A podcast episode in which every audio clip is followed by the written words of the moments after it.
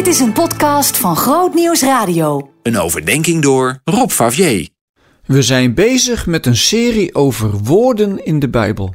Woorden van God en woorden van mensen. En vandaag staan we even stil bij iemand die van zichzelf zegt dat hij niet goed uit zijn woorden kan komen. Je hebt nu eenmaal mensen van veel woorden en mensen die wat stiller zijn of het moeilijk vinden om te spreken. En Mozes is er zo een. Hij begrijpt ook niet waarom God nu uitgerekend hem moet roepen om het volk Israël uit Egypte te gaan bevrijden. Er is natuurlijk helemaal niks mis met mensen van weinig woorden. Er zijn verschillende leuke spreekwoorden over. Men zegt wel dat stille wateren diepe gronden hebben. En dan bedoelen ze dat mensen die niet zoveel zeggen, des te meer denken. Of dat waar is, weet ik niet hoor. En dan heb je ook nog die uitdrukking: praatjes vullen geen gaatjes. Misschien dat die inderdaad wel klopt. Ik ken zelfs een voetbalclub, ik kan even niet op de naam komen, die in zijn clublied iets over woorden en daden heeft staan. Maar mensen van weinig woorden zijn vaak van die stille krachten die op de achtergrond hun schouders eronder zetten. Alleen is het wat lastiger als je de politiek in moet.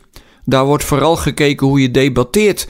En helaas gaat het dan vaak minder om de inhoud dan om de poging om het in de peilingen goed te doen.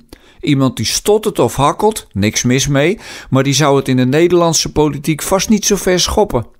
En dat vindt Mozes dus ook erg lastig. Zelfs nadat God hem twee mogelijkheden heeft gegeven om een wonder te verrichten, begint hij toch nog over zijn gebrekkige redeneerkunst. Hoe moet je naar een wereldheerser om hem te vertellen dat hij op moet houden met zijn gedrag? Dan maken ze je immers monddood. Kijk maar naar die arme meneer Navalny in Rusland. Een regelrechte poging om hem helemaal kapot te maken. Omdat God een God is die nooit meer vraagt dan iemand kan dragen, besluit hij om Mozes' broer Aaron ook in te schakelen. Dat schijnt een vlotte prater te zijn en zo gaan ze samen op weg naar de farao. Hoeveel woorden heb jij eigenlijk nodig in het leven? Ik best wel veel, maar gelukkig heb ik er ook iets mee gekund in mijn leven. Hè? En er zijn zoveel dingen in de wereld waar je helemaal geen woorden meer voor kunt vinden. Denk alleen maar aan die vreselijke oorlog tussen Israël en Hamas. Maar als ons de mond gesnoerd wordt en we zijn sprakeloos van verbijstering, dan betekent dat nog niet dat God ook zwijgt. Soms heb je wel dat gevoel, maar zo is God niet. Als God spreekt, gebeurt er ook iets. Zo werd de wereld geschapen en wij mensen.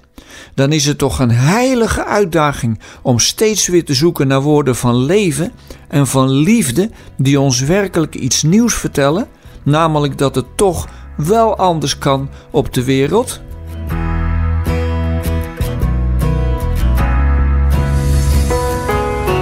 Meer verdieping? grootnieuwsradio.nl/podcast